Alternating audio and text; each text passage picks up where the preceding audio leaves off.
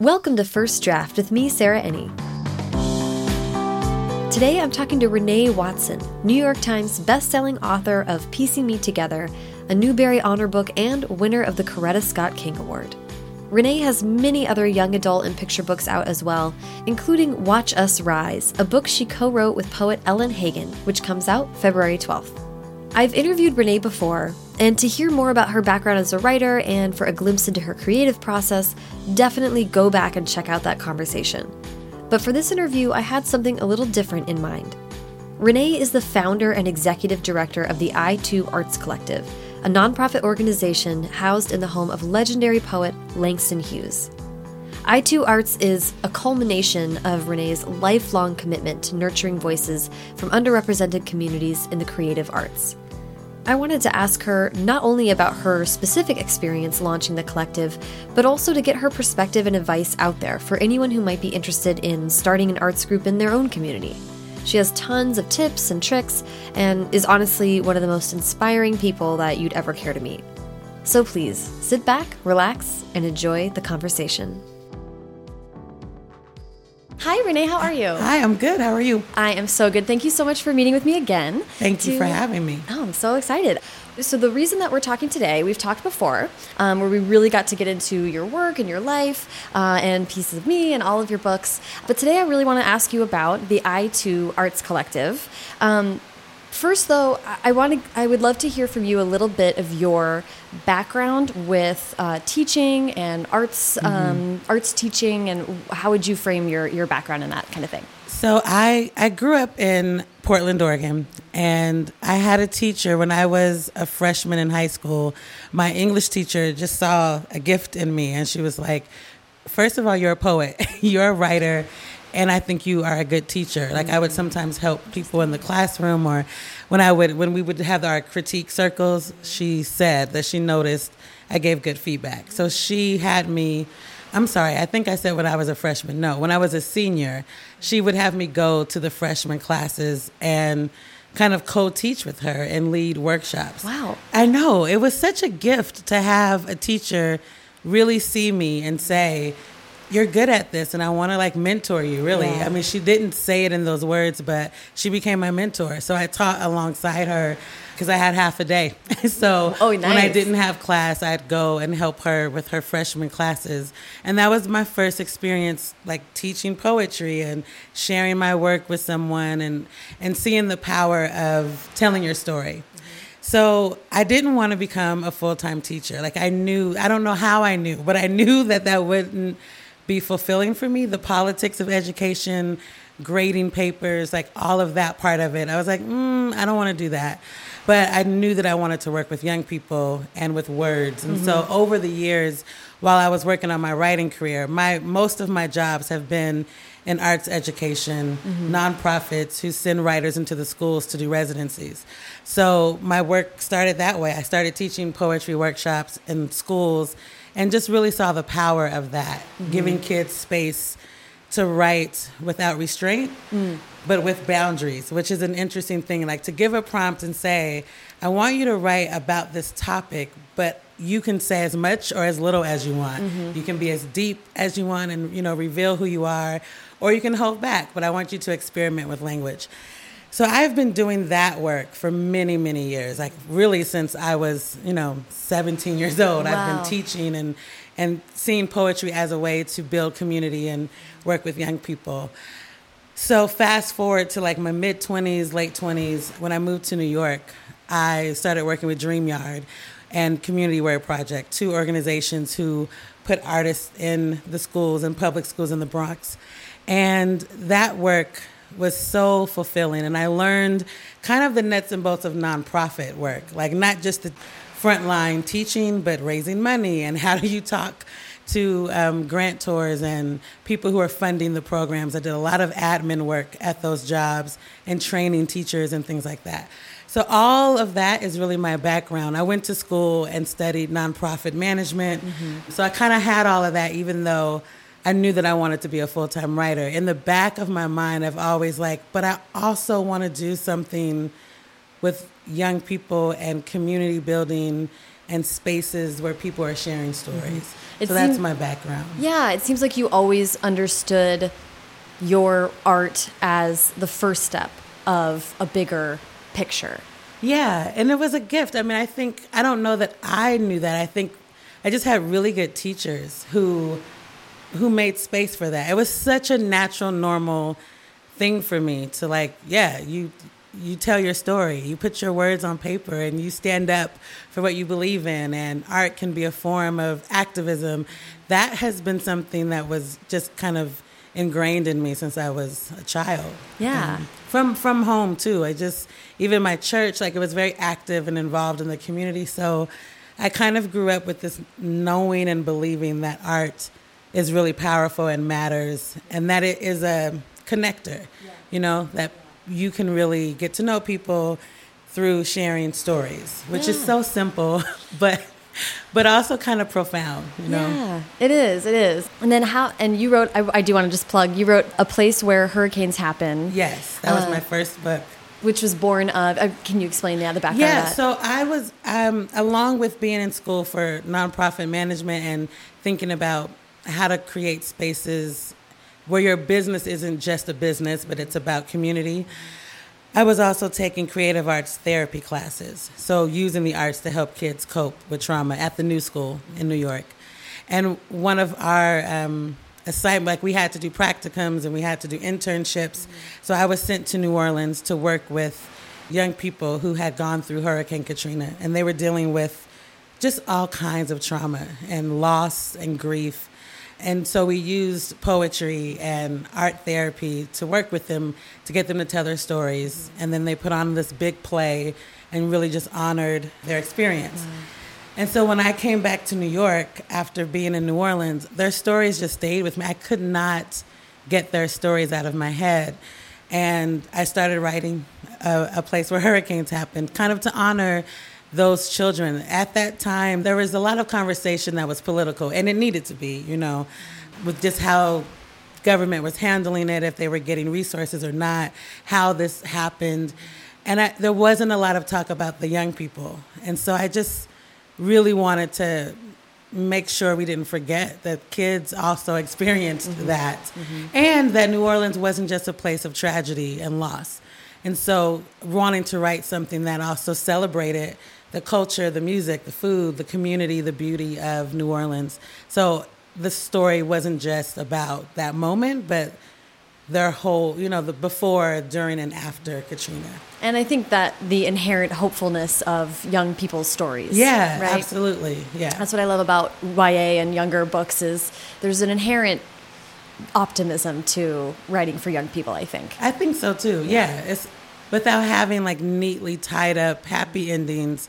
I do believe in hopeful endings, like making sure that you that a reader knows this character can be okay. There's some options for them, and that if you know they keep going in that path, they're, they're going to be fine, even Yeah. though they've gone through something pretty horrific. Yeah, that Yeah. that's just the beginning. That doesn't have to be their entire story. Absolutely, yeah. Well, thank you for giving that the, all that background. And I think you know I want to talk about how uh, I too began and all that stuff, but I do also want to.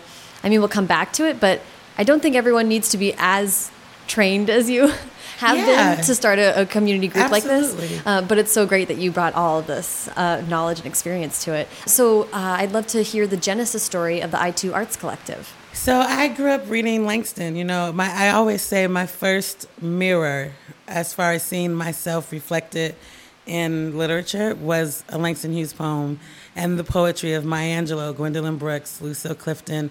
Those were kind of like my first mirrors and my first like I, when I was saying, "Oh, these people sound like my neighbors, my family." So and especially growing up in Portland, Oregon as a black girl, that was so necessary for me to have that moment in a classroom, sitting mostly with white people, to have a book, a poem, something that really resonated with me. And so when I came to Harlem, I was that the first place I wanted to go was to, you know, all these places I had read about the Apollo, Langston Hughes' home, um, all the places he wrote about in his poetry.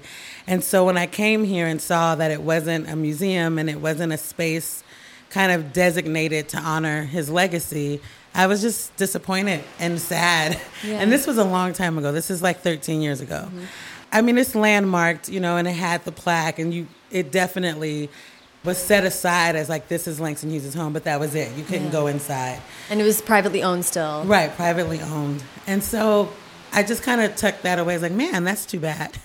And then over the years, as I've lived here and really, I kind of have roots in Harlem now, this is my home. I just wanted to do something about that. I would keep walking by and kind of seeing, like, well, I wonder if anyone's done something yet. Right. And nothing was done. And Harlem is changing, it's being gentrified. In 2015, I wrote This Side of Home, which deals with a gentrifying neighborhood in Portland, which is, you know, where I grew up. And so living in another city that is being I was like, really? This is this is not okay that this is happening all over our nation. What can we do about that? Like, how can we, okay, embrace change and progress, but also hold on to the legacies that are in all these communities? And so I started the campaign. I was very uh, nervous and just like I don't know if I can do this. Let's just see. So we we contacted the owner, found her, and when I say we, my our um, program director, Kendolyn Walker, who was a good friend at the time, was just helping me out. So she's digging and trying to find who the owner is, and we reached out and shared our vision with her, and she said. Okay. And we were like, okay, like, yes, we can do this. Wow. And she was like, well, you know, you can do it if you can prove to me that you can be in this space without struggling financially. So that is when we launched the campaign that Yeah. um, kind of got us started, Yeah. Which was a GoFundMe campaign in 2016. And I really, I mean, I started, our perks were so sad. I had like my books, I don't know, I think maybe I, I think we had a couple of donations from other authors, but not more than 10 people who had donated something. Like, if you donate, you get this perk. And we launched the campaign hoping to raise enough money for our first year, which was $150,000 that we needed to raise in 30 days. Wow. So, yeah, I was like, I don't know if this is going to happen. And then it did. Like, we just, we launched it and Kate Messner, um, who's an author, good friend, she reached out and was like, Do you need help? And I was like, Yes, I do. And she rallied for us, a lot of other authors, illustrators, people in the industry to donate books, critiques, you know, skip the slush pile, Yeah. editorial one-on-one meetings and things like that. And and the community gave. We didn't get a lot of huge donations. We got a lot of small donations from a lot of people. The grassroots and that was really kind of- powerful to me that Yeah. it was a very very much a grassroots movement Yeah. almost.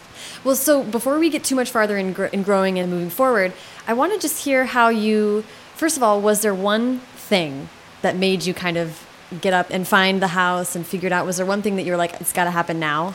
Yes. Whole Foods came to 125th in Lenox. And I was like, we got to do That's this. a pretty clear right sign. Yeah, Yeah. I just was like, yeah, Harlem is changing and I, we got to do it. And part of that was talking to young people because of this side of home. Right. I was having all these conversations with even with adults about what it means to be pushed out, what it means to be erased, what it means to not know your local history. So coming off of a book tour where I had collected kind of all these stories from Oregon, from DC, Atlanta, there were so many cities I had visited where everyone was like, "Oh, I relate."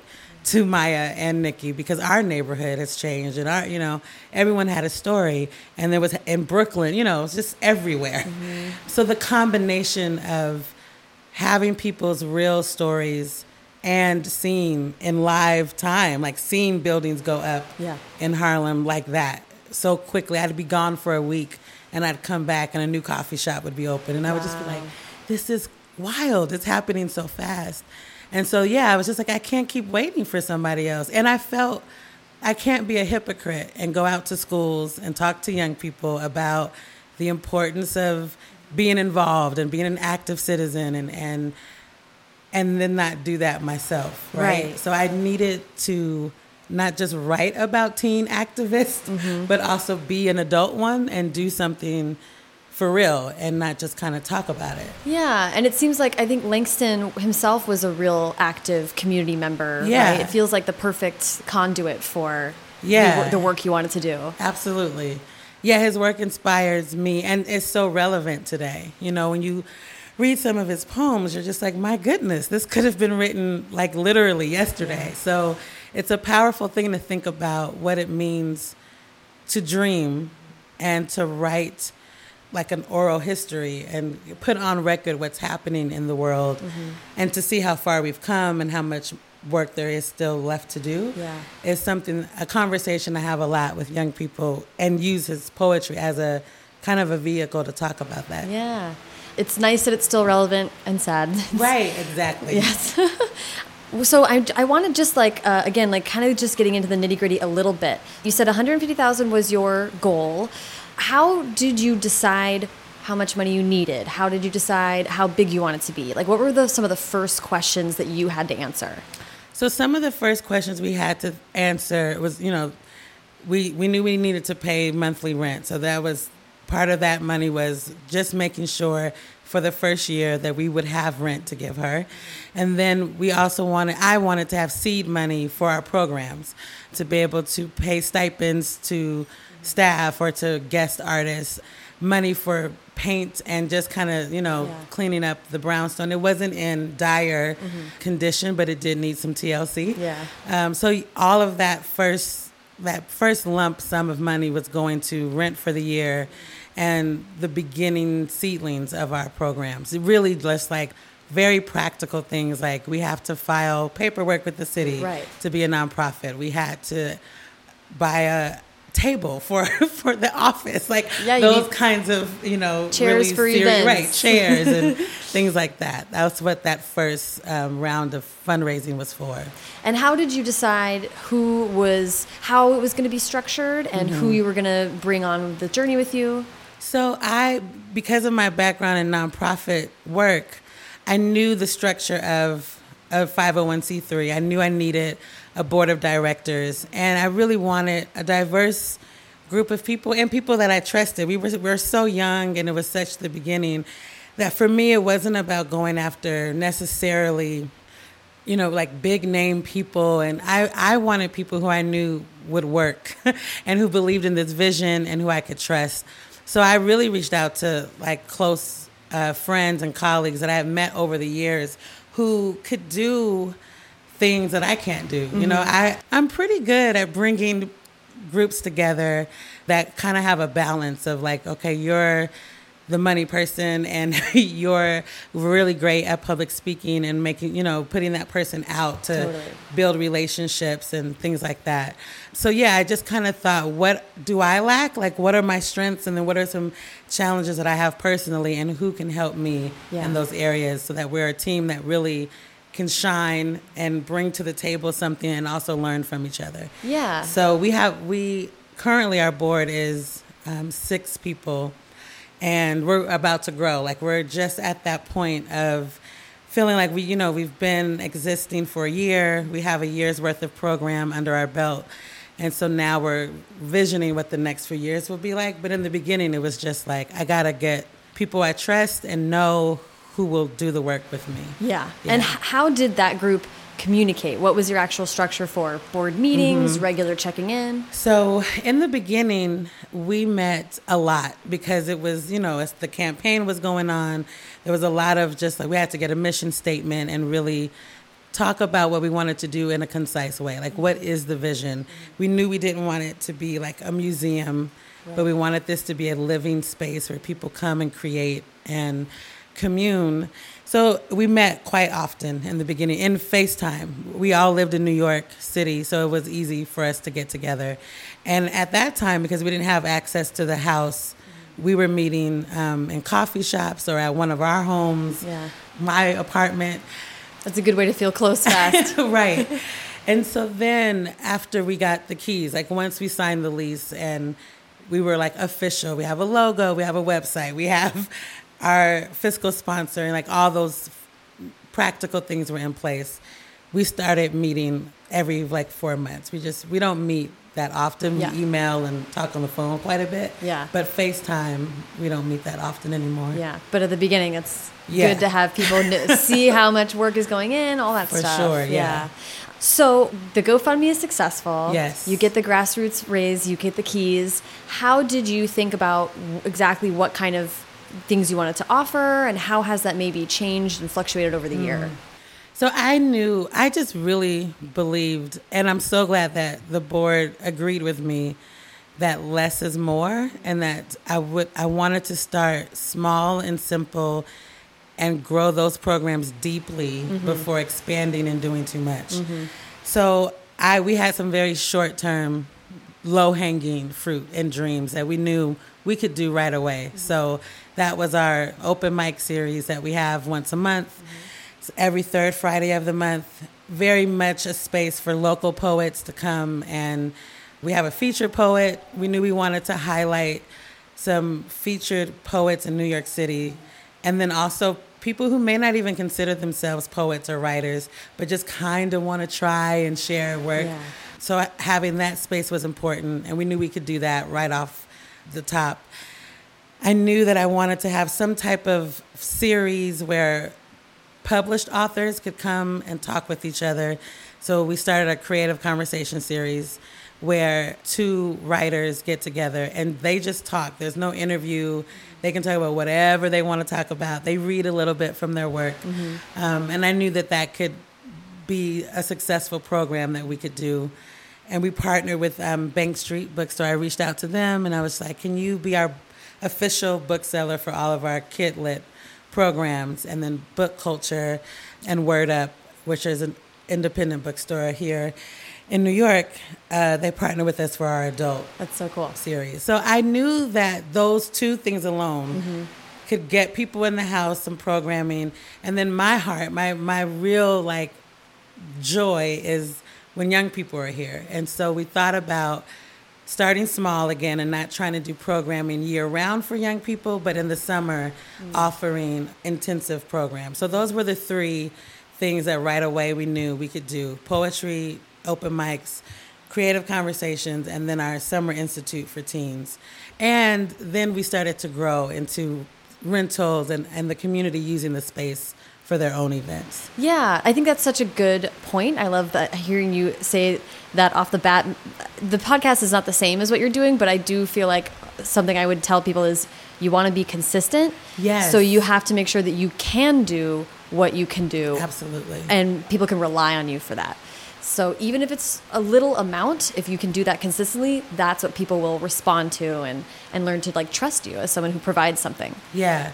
Yeah, that was really important to me to to come into a community and also be open for what people wanted and needed too. I didn't want to have so many programs of like this is what we do, come be a part of what we do. But I wanted to also say, well, what do you all want this to be? This, you know, we're not the only people who have wanted this space to be something. You know, people who were born and raised in Harlem have also walked by this brownstone and had dreams for what could happen in this space. And I want to make sure there's room for them as well. Like I have facilitated it happening that we're open, but I really want the community to have ownership. So I wanted to make sure we just left space for them to have input as well. Yeah. And what kind of things have you been hearing from the neighborhood? So it's great. We've had uh, one of our programs that will start soon, we were talking about earlier, is the writing room, having a space for people to just come in a in the library. Which when we open the second floor, they'll be able to come and write and have writing hours. The rental space was definitely something that people wanted more of to have their own events, their own readings, own book launches, um, conversations. So that's been something that has really, really grown and unexpectedly. Like I just didn't know that. I didn't know that so many people would want to use the space. Yeah. Sometimes I don't know how you feel about this with your podcast. Like you have this vision Mm-hmm. and this dream, and you're super excited about it, but you don't know if people are going to listen and tune in. And Yeah. I, so I didn't know if other people would be as excited and as connected to this. Um, and it's been really beautiful and lovely to see the community you know, take ownership of it. So we've had book clubs meet here. Cool. We've had um, even things that are not literary but community oriented. Like people need space to have meetings for um, what they do. Like there's a group of African American therapists that just wanted to have like a support group for to process what they're having to hold and and deal with in their careers and they needed a meeting space so they were able to rent out the space for you know so just like a two hour meeting on a tuesday night so stuff like that has been really beautiful that we can offer that I saw uh. CBS uh, featured you and there was drum lessons. Yeah, yes, yep, absolutely. We do have um, a consistent. They come every Thursday, African drum class, and I love. It's just I love when they're here. It just fills the house with music, and it's yeah, it's really cool. So stuff like that has happened here too. That's so neat. And I'm so happy, you know, it's so neat to think about you having spent so many years wanting someone to be that person, and then you're that person for these people who are like, oh, finally, you know? That's so cool. Yeah. That's really special. I'm interested in, like, maybe what's like surprised you over the year? I mean, you just said that that was a surprise, but I'm, I'm interested in what was a, a challenging or exciting thing you didn't anticipate. Well, one of the challenges has been to go slow because so many people are excited about what we're doing. There's this tendency to like, oh, okay, well, people really want this, so then maybe we should add this and we should do, you know, a lot of people are giving ideas and suggestions, and they're great suggestions, but we don't necessarily have the capacity for that right now. Mm-hmm. So I have to be that person to say, not now, later, or actual no, and that's really hard. And and trying to decide um, what to say no to and what to say yes to. So we just, I just have this thing about if it is in line with our mission, and we have the budget for it, we can do it. If we don't, I don't want to get into something like you said a moment ago and start something and we can only do it twice Right. and not be consistent. So that has been challenging to get all of the and the, it's funny the same thing that was such a blessing and is like so cool that so many people are you know supporting us and wanting to be here the other side of that is prioritizing Yeah. what's really important right now and what's long term maybe and then also just what doesn't fit like Yeah. Yeah that's been that's been challenging Right. You can't be everything to every person. Exactly. Yeah. Or you quickly just burn right out. Yeah. Yeah. So we've been good at, at well, we're trying to be good at building relationships with you know partners in the community who've who've been here forever and and refers to them like you know we can't do that but maybe you can find this resource at this other place and trying to be mindful that I don't have to do everything I can also you know refer and share and say Yeah. go over there and you know they do great work too and Yeah. All that's, of that. That's another really important job is to be a connector in the community. Yeah. And which is great, like a matchmaker of sorts. yes So you come in with the expertise of not only having the uh, 501c background and nonprofit management, but also you can, like you're talking about the intensive week long units with kids, you can teach that as well. Um, so you have a lot of expertise to offer. But where have other resources? Where where are the most resources needed? Like what's what's the other like is logistics the other big thing about h- helping run other people's events or how does that pan out? So uh, let me clarify. I yes, I can teach, but I don't actually. Really? Yeah, I, you know, I really for for a couple of reasons didn't want this to be the Renee show. Oh. so that's one. But also, yeah, I mean, I know a lot of amazing teaching artists, and I wanted them to have a space where they could teach and do their thing and, and connect with young people. So we really do. We got a grant from the Ford Foundation, and from that grant, we're able to hire a teaching artist and food for the kids and books. And I really just let that teaching artist kind of run the program. Um, so I just wanted to clarify that Yeah. I am not. I'm not also teaching and doing the. ad- I'm mostly doing the big visionary grant writing. You know, working with the board, long term vision um, stuff. And so the the parts that we have needed and are still in need of are volunteers, like you were saying, to help run programs. Also, administrative support for our program director. So. Uh, her name is Kendolyn, and I, I could not do this work without her. She is my right and left hand. and you know, she soon is going to need an assistant mm-hmm. herself because it's growing, mm-hmm. which is great. So we're right at that point of like thinking about staffing and and how do we bring other people on and what are those roles. Ideally, I would have someone who could be like an outreach coordinator and really solely focus on building relationships in the community and making sure people know about us. The funny thing is, you know, we've been existing for a year and online we have a presence. I would, you know, but people who know about us mostly find out about us through me, like through my writing and through a lot of the other young adult authors who are part of the collective. And so we have a huge following with kid lit people. Yeah. But we still have a lot of work to do as far as letting fiction writers know and playwrights and poets know that we exist and even young people in the community outside of Harlem. Mm-hmm. Just thinking about New York in general. So I'm thinking a lot about relationship building and how do we how can we be intentional mm-hmm. about reaching out to people and letting them know that we exist. Yeah, well, that's so interesting. Yeah. It is, I mean, that's the the enduring challenge, right, of any endeavors like marketing. Right. Yeah. it's challenging. It is. so it takes a lot of time as well. It does. Um, I can empathize with that for sure. So I'd love to just shift to, like you're saying, forward thinking. Mm -hmm. Oh, you know what? Actually, before I, before we do forward thinking stuff, I do want to ask you to explain Simple. Is a is an event that I think you put on, and I was just mm -hmm. so mm-hmm. curious about the origin of that. So Simple is a character. Jesse B. Simple is a character that Langston wrote um, in his short stories and fiction. And that character would go to a local bar in Harlem and just like shoot the breeze and talk politics and gossip and whatever, you know, just whatever was coming up in his mind about the neighborhood. And so we, when we first started, we wanted to have something here where people could just come casually and not just in a formal like there's a program there's going to be a reading you're in the audience. But how can people just be in the space and commune and talk? So we call it simple in honor of that character. And it's a happy hour really a happy hour mixer. We provide wine and you know minimal snacks and people come and it's been a really nice way to get to know our neighbors get to know other educators and writers in the city. Yeah we do it once a month um, the last tuesday of the month i okay. think. And yeah it's a great evening. Of just real casual laid back jazz music in the background and it's so nice. Yeah, such a like. I feel like that's such a direct honor to what Langston was building and how he envisioned this community to have yeah. his house be like so vibrant like that. It's so cool. Yeah, he loved Harlem, and a lot of the stories that I hear from people who knew him.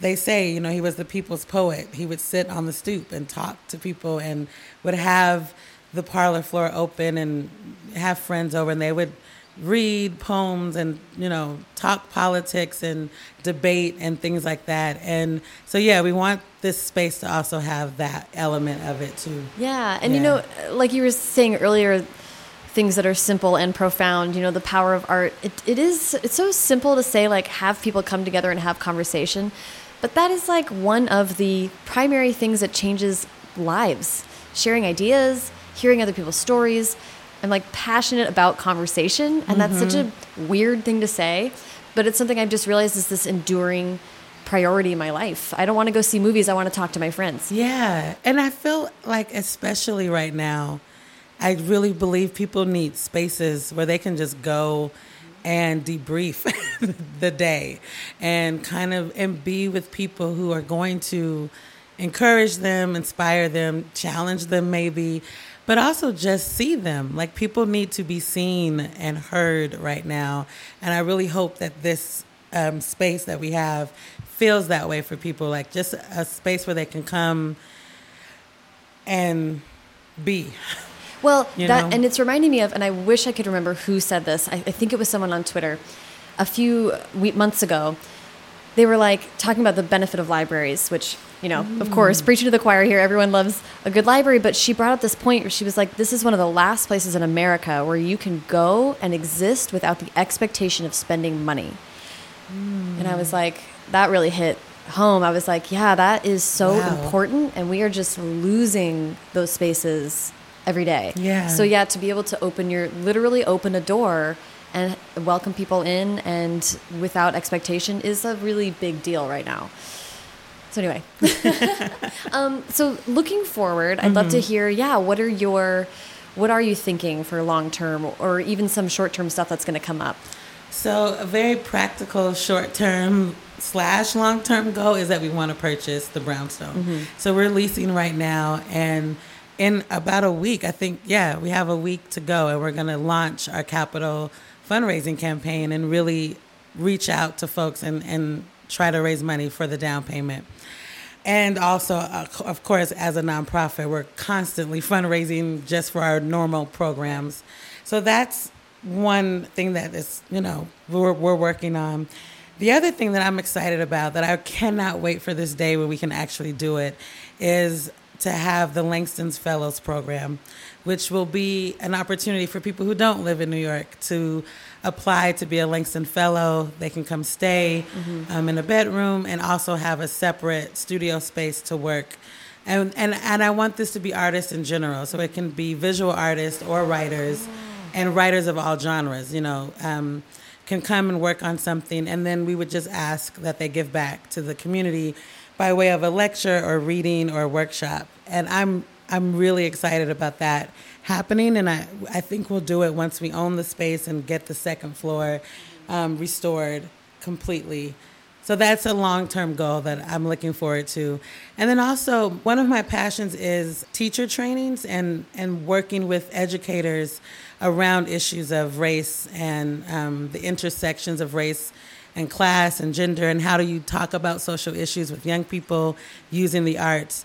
And so, soon, I don't know when, we're, we're meeting and talking about that now, but in the summer, we'll have some like summer institutes for educators from all over the nation, hopefully, that can come and convene and, and go through some trainings and then go back to their mm. schools and have lesson plans and all kinds of ideas of how to use Langston in the classroom, things like that. So those are some things I'm working on for so cool. like long term goals. Ooh, I love that. I love that. And it is, I mean, it's just reminding me, you're talking about the fellowship and stuff like that too. I am similar to you in some parts of my life where people come to me with ideas and I'm like instantly in my head, the web of logistics spins out. And so mm-hmm. I have found myself at times being the one who has to say no, even to really wonderful ideas. Yeah. you talking about the fellowship, I'm like, oh yeah. then you take 800 steps back to how you get started. How do you get started? Yeah. I mean, how do you organize that in your mind and in, In your mind. organization? How do you guys work together to be know, to know you're moving in the the same direction?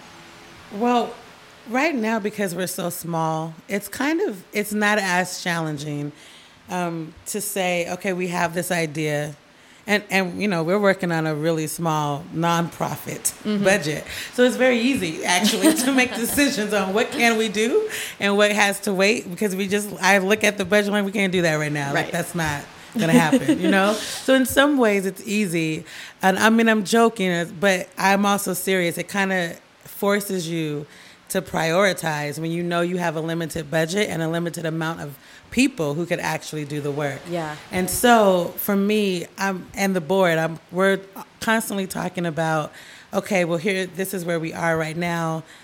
How do we grow? Where do we grow? And we literally have chart paper up on the wall with, you know, 2019, 2020, 2020 and listing out goals Yeah. of where we want to be. And then I just I got this from teaching. I just backwards plan. Like if I mm-hmm. know this is the end result, mm-hmm.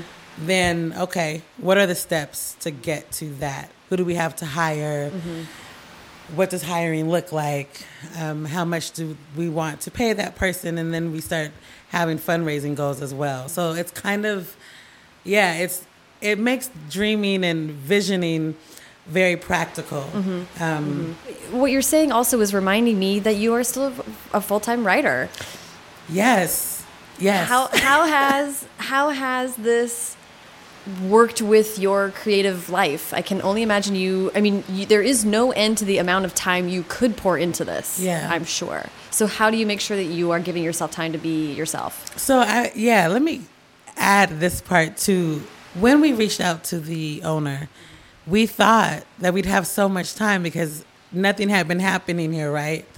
So I did not realize that she was going to say yes and let's and do it now because you know she really wanted to sell and wanted wanted to sell it to us and we just couldn't afford it at the time. So things had to move a lot faster than I expected. Mm-hmm. I thought I would have a couple of years actually to really like plan out doing this. I didn't expect it to happen when it happened. And so it has been very challenging to balance. Now I'm an executive director of a nonprofit and a full time writer. And thankfully, at the very same time that I, Too was starting, you know, my my writing life, I was getting a lot of accolades and, and growing in that way. And so it's been a very full, full two years um, in, in the best ways. And really, kind of like this, I approach it in the same way as I do with like less is more and setting boundaries and saying, I just can't do this. I'm just getting better at saying no and getting very, very good at protecting my time. Yeah. And so I, yes, I could work 24 hours. I really could. But I make a conscious decision to cut it off at a certain point and not be up at midnight still working on a grant proposal because it's it's not healthy and I've seen people burn out very quickly who do that. So my the practical schedule is I am in the office physic when I'm not traveling. Mm-hmm. Physically, I'm in the office three days a week. Mm-hmm. And then on the other days, I'm writing and doing author visits. That's kind of like the rule with some flexibility, of course. If I get invited to do something, I might swap out a day or, you know, right. but for the most part, I try to do three day, two day and do and really have a weekend. Um, mm-hmm. But you know, sometimes there's an event at the house, and so I'll, I'll, I'll go to that event. But yeah, I do try to separate. It's really hard, and it means that I get I'm you know respond to emails late or uh, miss a deadline with an editor, and and that is very real. So I'm in the process right now of figuring out how to be better at. Mm-hmm being organized and making sure things don't fall through the cracks. That's a very real challenge. Yeah, and the skill of delegating. Yeah, because it is a skill. It's really hard, especially yeah. when you when you're a self starter. It's hard to hand things off to other right. people. That's why I'm so grateful for for the authors and the volunteers that are doing this alongside me. I always say. It is me, but it's not just me. Mm-hmm. Um, I trust the people who are working at I, Too wholeheartedly. So when I'm on the road doing a book tour, I know things are okay in New York, you know. So um, that's Kendolyn, Bemi Rude, Tracey Baptiste. They are so instrumental in making sure that I, Too is what it is. Jen Baker, yeah, I just I have so many people supporting and really holding me down. Yeah. And and I've been good at I think I don't have a choice actually. I can't even if I wanted to, I couldn't micromanage because things are just so full. So I don't even have the bandwidth to to micromanage them. I just trust that they're doing what they need to do. Like Jen is our social media director. And so in the beginning, I was very much like, okay, what are you going to post? And maybe send this. And now I'm like, Jen got it. She don't need me telling her what to post or how to, you know, she got it. And so it's, it's nice to be able to, to trust people to do what they love to do and what they're good at. Yeah, yeah and let them let them shine in their own way too. Yeah, that's awesome. Yeah. So I want to well, I want to have the chance for you to talk about uh, advice for people who might be interested in starting something. Mm -hmm. It is striking me. Uh, I did want to say about what you just said. It's nice that you can come to a physical place yeah. and have a separation in that way. Yes. It's like at home when I, I'm like, I don't want to put my desk in my bedroom. Mm -hmm. You know what I mean? Mm -hmm. Just a little bit of that helps mentally. That definitely helps. Yeah. Yeah. which sure. is very cool. Okay. Okay. So, so I'd love to hear, and then I want to wrap up uh, hearing what's going on with your, with whatever you're working on. If okay. you have anything that you can share, but I'd love to hear your advice for someone who is interested in starting a, an arts, some kind of arts group in their community. I'll give some practical stuff and then may hopefully some inspiring things. every city has an organization called SCORE, and, or every state has an organization called SCORE. And SCORE is made up of retired professionals in a, a ton of areas around business and owning businesses. So they have marketing people, retired lawyers, retired executive directors, grant writers, etc. And you can look up your local chapter and get a mentor and and really have some one-on-one guidance on how do I write a business plan? How do I apply for 501c3 status and all of that. So I highly recommend that if someone like wants to really start like an official business with and register it with the state and all of that, that they get a mentor and do it that way. I also think if you haven't had experience doing the job you want to be doing in this in the program to volunteer at other places so that you get some experience mm-hmm. and and ask if you can shadow a teaching artist or whatever the thing is that you want to start. I do there is something about having vision for something, but I think skill and experience is also important and combining those things is mm-hmm. it's important to not just love kids, but to also think about how to work with them, right? And so if you don't have experience with those things, but you want to do it, then I would say focus on getting those skills first and mm-hmm. not just starting something or right. do it at the same time. Right. So those are some of the, I guess, maybe practical things. Get a mentor, volunteer somewhere, and start small. Mm-hmm. Like it's okay to have this little, little tiny seed. Seeds grow into mm-hmm. a lot, right? So it's okay to start small. I think sometimes we we want to rush and get to the end result and if it starts off with meeting a, a, book club at your house or at a local coffee shop or something that's fine you know let it let it grow naturally instead of trying to force it and then i would say my advice is to really do the thing that you would do without getting paid. Like, I didn't start this with this dream of making a whole lot of money or and, I mean this for my writing too. Like I, I'm blessed in that I've been able to make a career out of writing.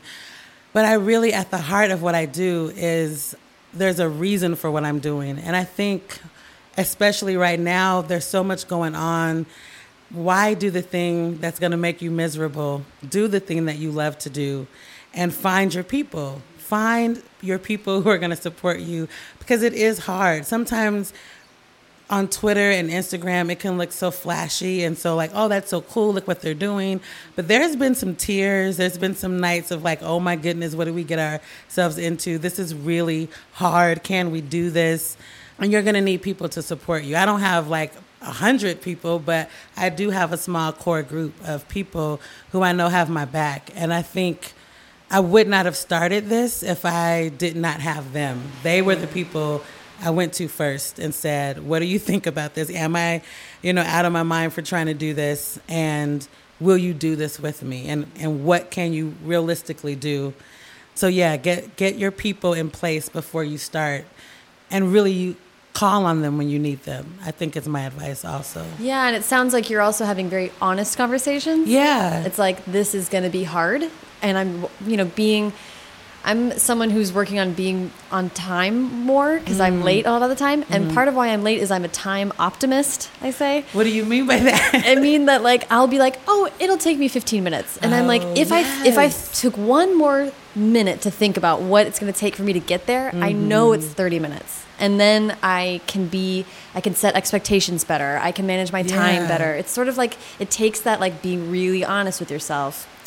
I'm not telling people not to be optimistic, but it helps to no, be reasonable. But that's true yeah. to be reasonable, right? I think it's a balance that I am a wild dreamer. Like I have all kind of and I've always been this way of just like big goals that are like how in the world could that even happen type of dream. Mm-hmm.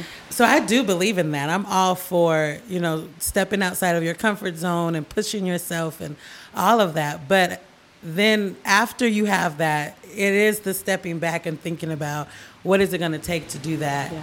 And, and how can I realistically and practically go about it? So I, I think the balance of it I don't want my dreams to be so stale that they're all just rules and we're going to do this first and check this and check. Like some, you got to let the magic in there too, right? Mm-hmm. Um, so everything isn't planned so thoroughly that there's no room for imagination and inspiration.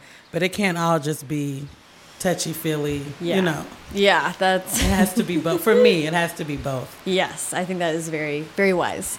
Well, that's been so helpful, so awesome. Thank you I so much. so. But I do want to take the time to check in with you as the author, Renee. Yeah. Uh, when we chatted last, I think it was like a year and a half, Yeah, or two was- years ago. Cold and It was. It was like uh, piecing me together Yeah. was just coming out, Yeah. uh, and it feels like there's it's getting a new award every week, which is so well deserved and exciting. Thank you. It's amazing. Thank you. So, what have you been working on, or what are you looking forward next? So the next book is going to be out in February 2019. I co-wrote it with Ellen Hagan, who is a very good friend of mine and a poet.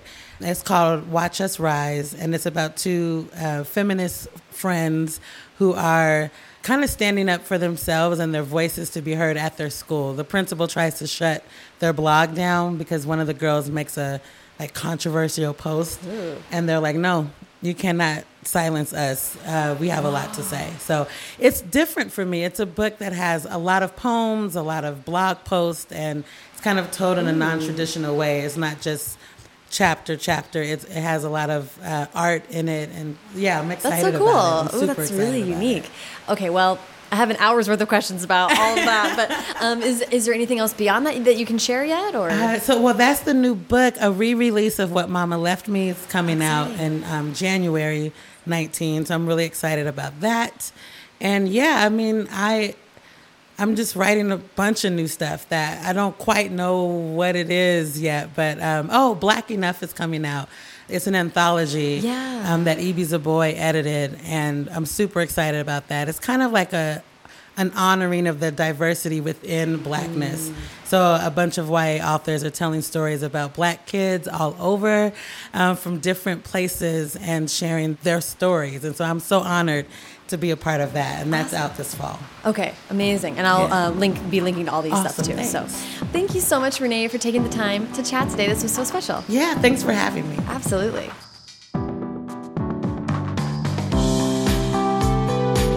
Thank you so much to Renee. Follow her on Twitter at Renee W. Author and on Instagram at Harlem Portland. Follow I, Too on Twitter at I2Arts and on Instagram at I underscore 2 underscore arts. Follow me on Twitter and Instagram at Sarah Enni and the show at First Draft Pod. For links to everything Renee and I talked about in the episode, please check out the show notes on firstdraftpod.com. Hey, did you know that my debut novel is coming out soon? It is! Tell Me Everything, my book about a young artist getting caught up in social media hijinks, is coming out on February 26. And to celebrate its release, I will be doing an in conversation event with Tahereh Mafi in Los Angeles. On March 3rd at 4 p.m. at the Ripped Bodice in Culver City, Tahereh and I will be discussing Tell Me Everything, as well as Tahereh's contemporary novel, A Very Large Expanse of Sea, which was longlisted for the National Book Award and made me cry. Don't miss it. March 3rd, Ripped Bodice. Good books and good times. Haley Hirschman produced this episode. The theme music is by Dan Bailey, and the logo was designed by Colin Keith. Thanks to super intern Carter Elwood and transcriptionist at large Julie Anderson. And as ever, thanks to you, porch poets and community builders, for listening.